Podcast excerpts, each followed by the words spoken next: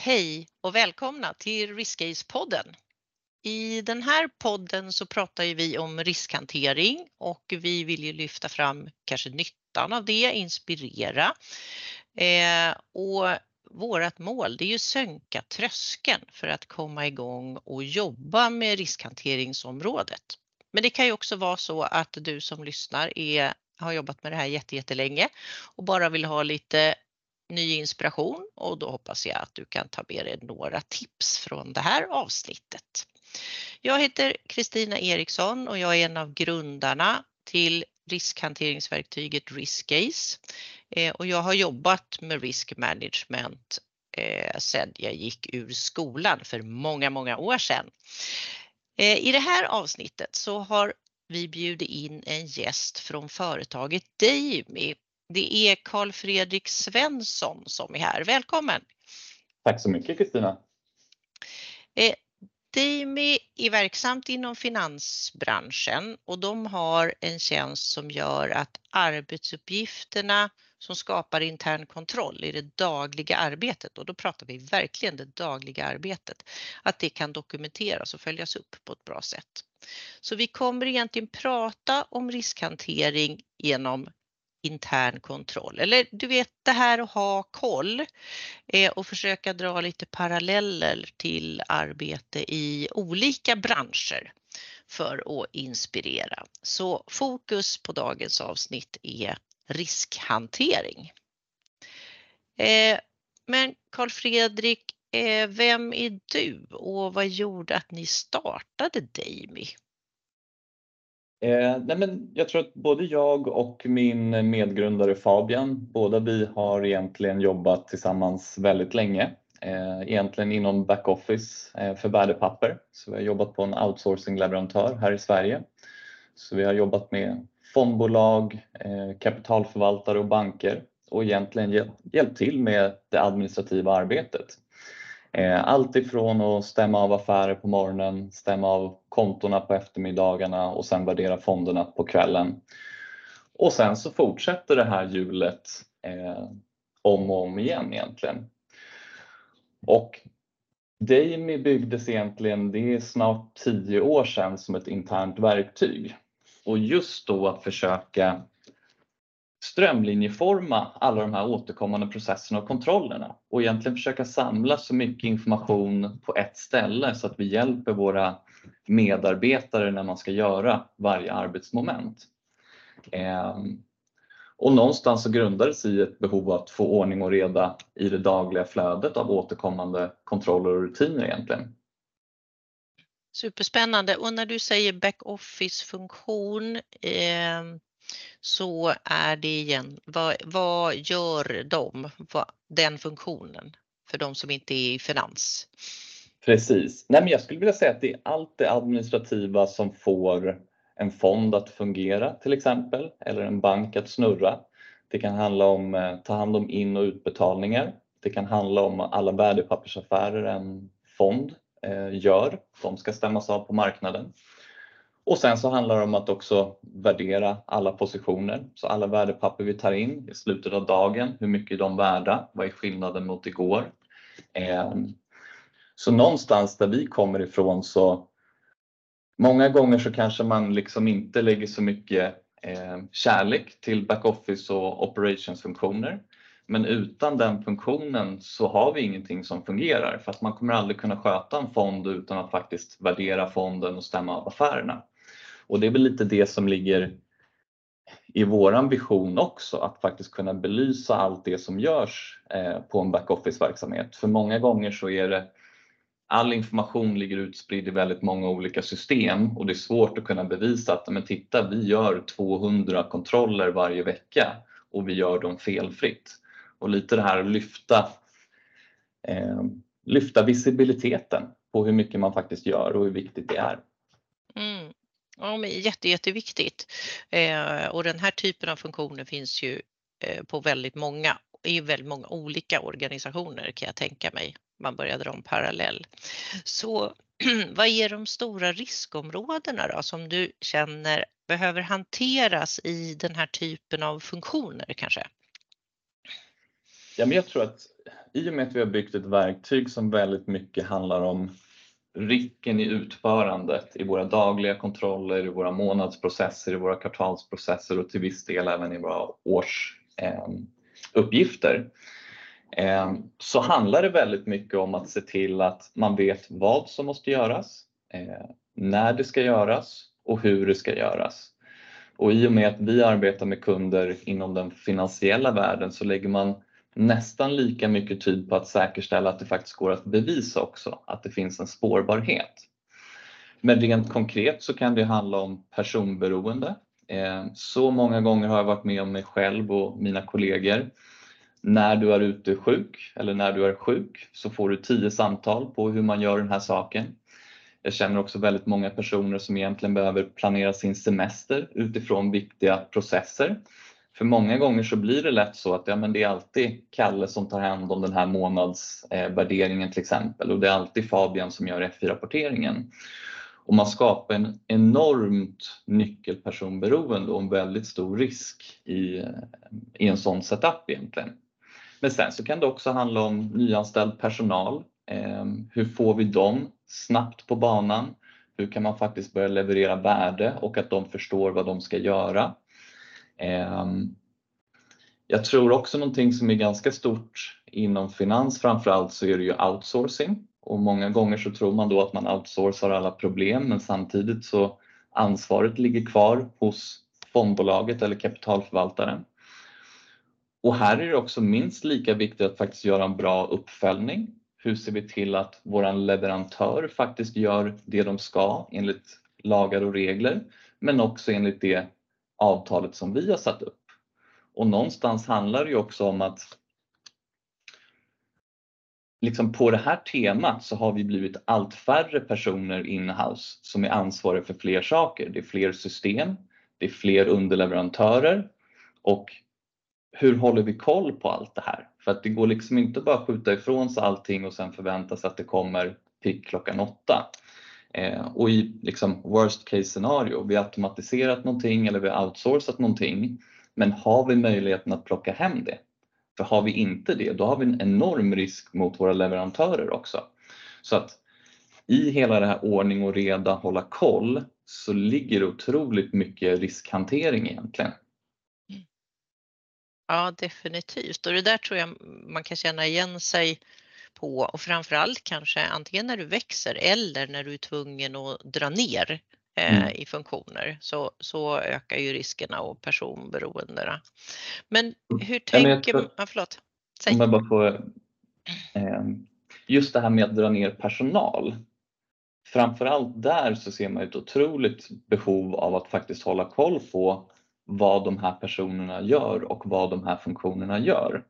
Saknar man den här spårbarheten, översikten och dokumentationen så är det en enormt stor risk att man faktiskt tar felaktiga beslut. Jag tror just när man pratar om backoffice och administrativa funktioner så ser man det gärna som kostnadscenter direkt. Men kanske då inte förstår hur mycket då, för att återgå till där vi var i första frågan, hur mycket som faktiskt görs.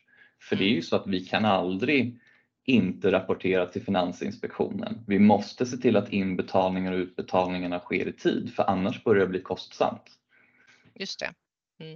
Egentligen att bevisa nyttan av det här jobbet som inte riktigt, om jag har citationstecken i luften, inte riktigt syns. Absolut. Absolut. Det tror jag både liksom från ett regelverksperspektiv men också för, men som företag att förstå att här har vi en grupp personer som faktiskt levererar stort värde. Det behöver vi ta på allvar och faktiskt tillsätta resurser för att det ska funka. Ja, det låter jätteviktigt. Så Om man befinner sig i den här situationen då, du har väldigt många ehm, olika arbetsuppgifter. Det kanske har blivit så stort så det är lite svårt att ha överblick. Du sitter med personberoenden av olika slag. Om man liksom ska gå från det läget och så hamna i ett bättre läge med starkare intern kontroll då. Vad har du för idéer där? Jag tror att mycket handlar. Jag tror att vi, i alla fall på Dame, är väldigt stora förespråkare av att hålla saker enkelt och tydligt.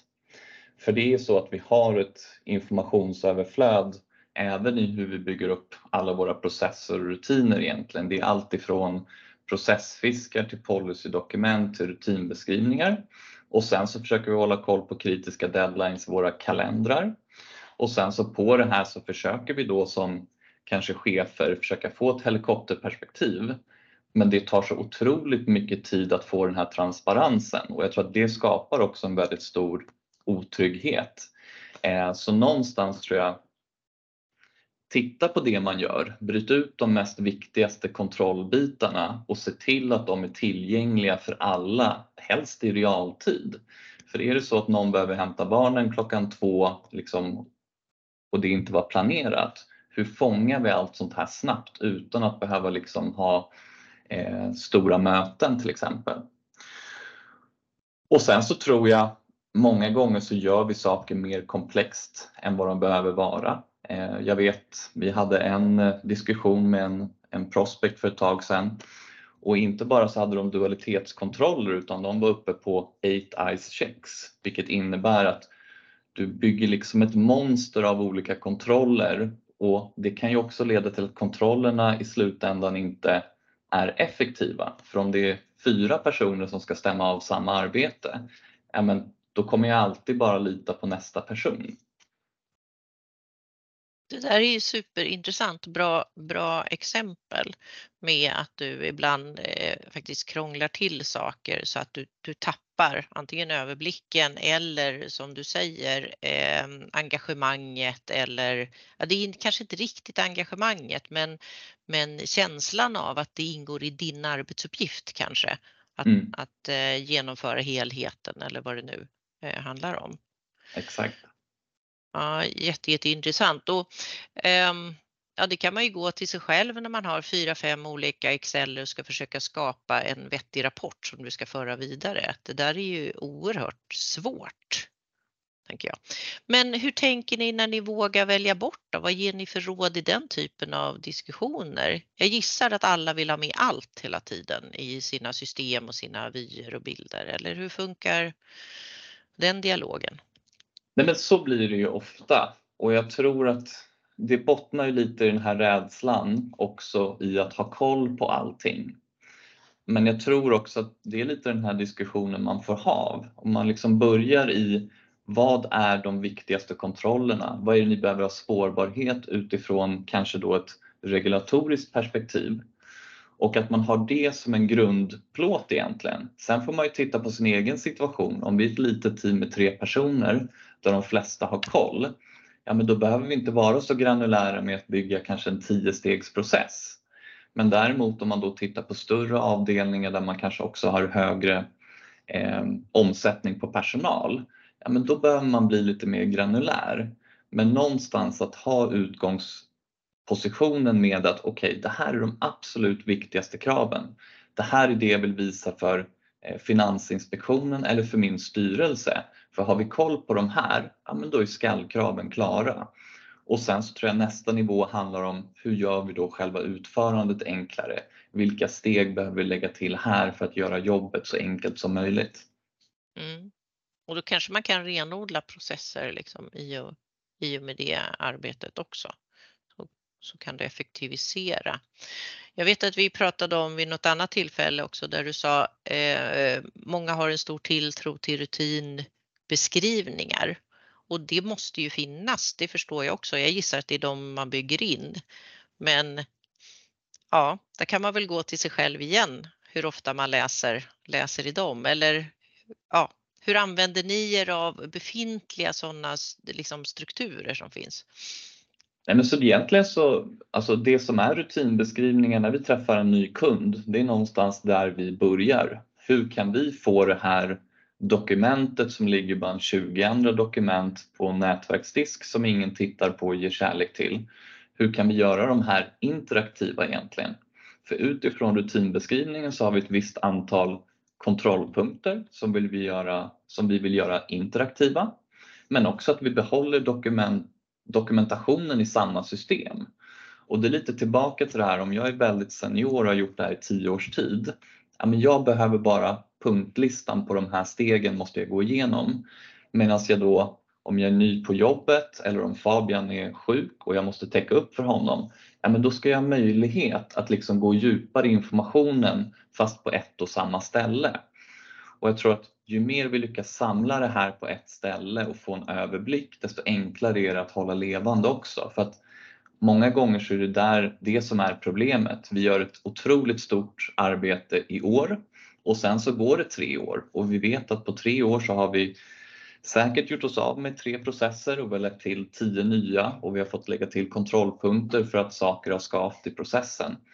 Och då tror jag att det otroligt nyttigt att kunna samla det här på ett ställe och just den här interaktiviteten i mina rutinbeskrivningar är nyckeln till att hålla det levande. Mm. Vi pratar mycket om eh, er hemmabas i finansbranschen och inom backoffice verksamhet. Men vad kan andra bolag eller andra typer av processer lära av det arbetssättet som ni använder där? Jag tror att det är ganska universellt. Det som jag tycker är intressant med till exempel då finansbranschen som är reglerad är man får ett visst försprång för att vi har byggt in ett automatiskt tänk när det gäller just operativa risker och spårbarhet som jag tror att man kanske inte per automatik har om man sitter på en ekonomiavdelning på ett bolag som inte är reglerat. Jag tror att det kan också uppfattas som att finansbranschen är mer trögrörlig, men det är också för att man behöver tänka till lite innan. Och jag tycker att i väldigt många fall när man då implementerar eller förändrar en process, förhoppningsvis till det bättre, men att man faktiskt då du behöver inte lägga så mycket tid, men att man faktiskt gör en enklare riskanalys i början. Man förstår vad slutmålet är och sen också säkerställer att det finns ja, men som i finansbranschen, att det finns en spårbarhet som du sen då kan visa upp för till exempel eh, Finansinspektionen. Så jag tror att hela det tänket eh, är väldigt nyttigt när man skapar processer och när man skapar kontrollpunkter. Och jag tror väl att generellt sett så blir det så att man bara gör saker, men i den här typen av branscher så är du tvungen att reflektera lite mer, vilket då man blir mer trögrörlig men förhoppningsvis så får man också en bättre slutprodukt egentligen. Ehm, och jag tror lite alltså, våran bakgrund är ju inom finans och backoffice med processer men nu bygger vi ett mjukvarubolag och vi har ju väldigt mycket med oss i bagaget liksom från våran expertis inom finans. Liksom, hur arbetar vi med release-tester till exempel. Hur gör vi dem spårbara de facto för att kunderna vill ju säkerställa att vi inte skickar en dålig produkt till marknaden. Och sen så kan man ju också se på GDPR som slår brett hur samma tänk måste byggas in här, eh, även i de branscherna. Absolut. Och jag tänker också alla branscher har ju helt andra typer av hotbilder idag. Vi pratar mycket om informationssäkerhetsrisker och vi pratar om avbrott. Och det här som du säger med spårbarheten. Mm. Det tror jag att man behöver ta på större och större allvar för att du till exempel ska kunna återhämta dig om det har hänt någonting, en incident eller vad det nu kan vara. Så även om man inte har kravet att visa upp det Eh, för en extern part så har ju alla har ju ändå en revisionskrav eller vad det nu handlar om. Men just det här för att du själv ska kunna återhämta dig snabbt så tror jag att det är exakt lika viktigt. Precis och där kan jag väl också tycka att om man liksom får promota sin egen verktyg eller liknande produkter så spårbarheten ska ju någonstans också vara inbyggd i det system du använder dig av och jag tycker att många gånger så det är helt rätt att tänka på spårbarheten men också då ställa det kravet på sina underleverantörer. Hur är det här egentligen plug and play? För någonstans, vart ska vi sätta mest fokus? Jo, men vi ska se till att vi har en så bra process som möjligt med så få operativa risker. Och många av de här skallkraven ska vi egentligen bara behöva bocka av på en lista kan jag tycka många gånger. Ja, det tycker jag absolut. Det är ju ett ehm, definitivt rimligt krav. Svårt att genomföra eh, på många ställen men eh, har man den dialogen ihop, leverantör och kund, så tror jag att man kan pricka rätt med relativt alltså effektiva metoder. Mm. Roligt, härligt. Om, om du skulle vilja ge två råd då till våra lyssnare för att vara bättre på att hantera risker genom intern kontroll eller punkter som du har nämnt? Jag tror eh, framför allt, jag tror att det handlar om enkelhet, transparens och tydlighet. Ehm, I grund och botten så ser jag att väldigt många av de felen vi gör i vårt utförande handlar om att vi, vi helt enkelt inte vet vad jag ska göra, när jag ska göra det och hur jag ska göra det. Och det kan låta lite löjligt för en, en vacker dag i maj när vi är hela teamet på plats och det inte händer någonting oförutsett ja, men då vet de flesta exakt vad de ska göra. Men när vi kommer in i kvartalsskiftet och tre personer är sjuka samtidigt som vi har någonting annat som händer på företaget, då är det så otroligt sårbart med att liksom ställa kravet att alla medarbetare ska kunna allting i huvudet. Eh, så jag tror att mycket av det handlar om att ordning och reda och liksom en översikt på det vi håller på med är nyckeln till ett så pass felfritt utförande som möjligt. Mm. Där tror jag att du har absolut helt rätt. Vi tänker ju precis som du. Och det som är det härligaste med riskhantering om, om liksom riskanalysen och det jobbet går lite enkelt, det är att du får tid att börja tänka på lösningarna. Mm. Eh, och det är ju då som du gör skillnad. Exakt. Så med de orden så vill vi säga tack till dig Karl Fredrik. Eh, och det har varit en jätteintressant diskussion. Jag tycker att det är bra, det är konkreta råd, kontrollpunkter i det som ska vara mycket i fokus, att man identifierar dem. Eh, och vill du som lyssnat veta mer så kontakta gärna teamet på Dejmi eller oss på Riskay så ni hittar oss lätt på LinkedIn. Eh, och sen vill vi bara säga tack så mycket för att ni har lyssnat.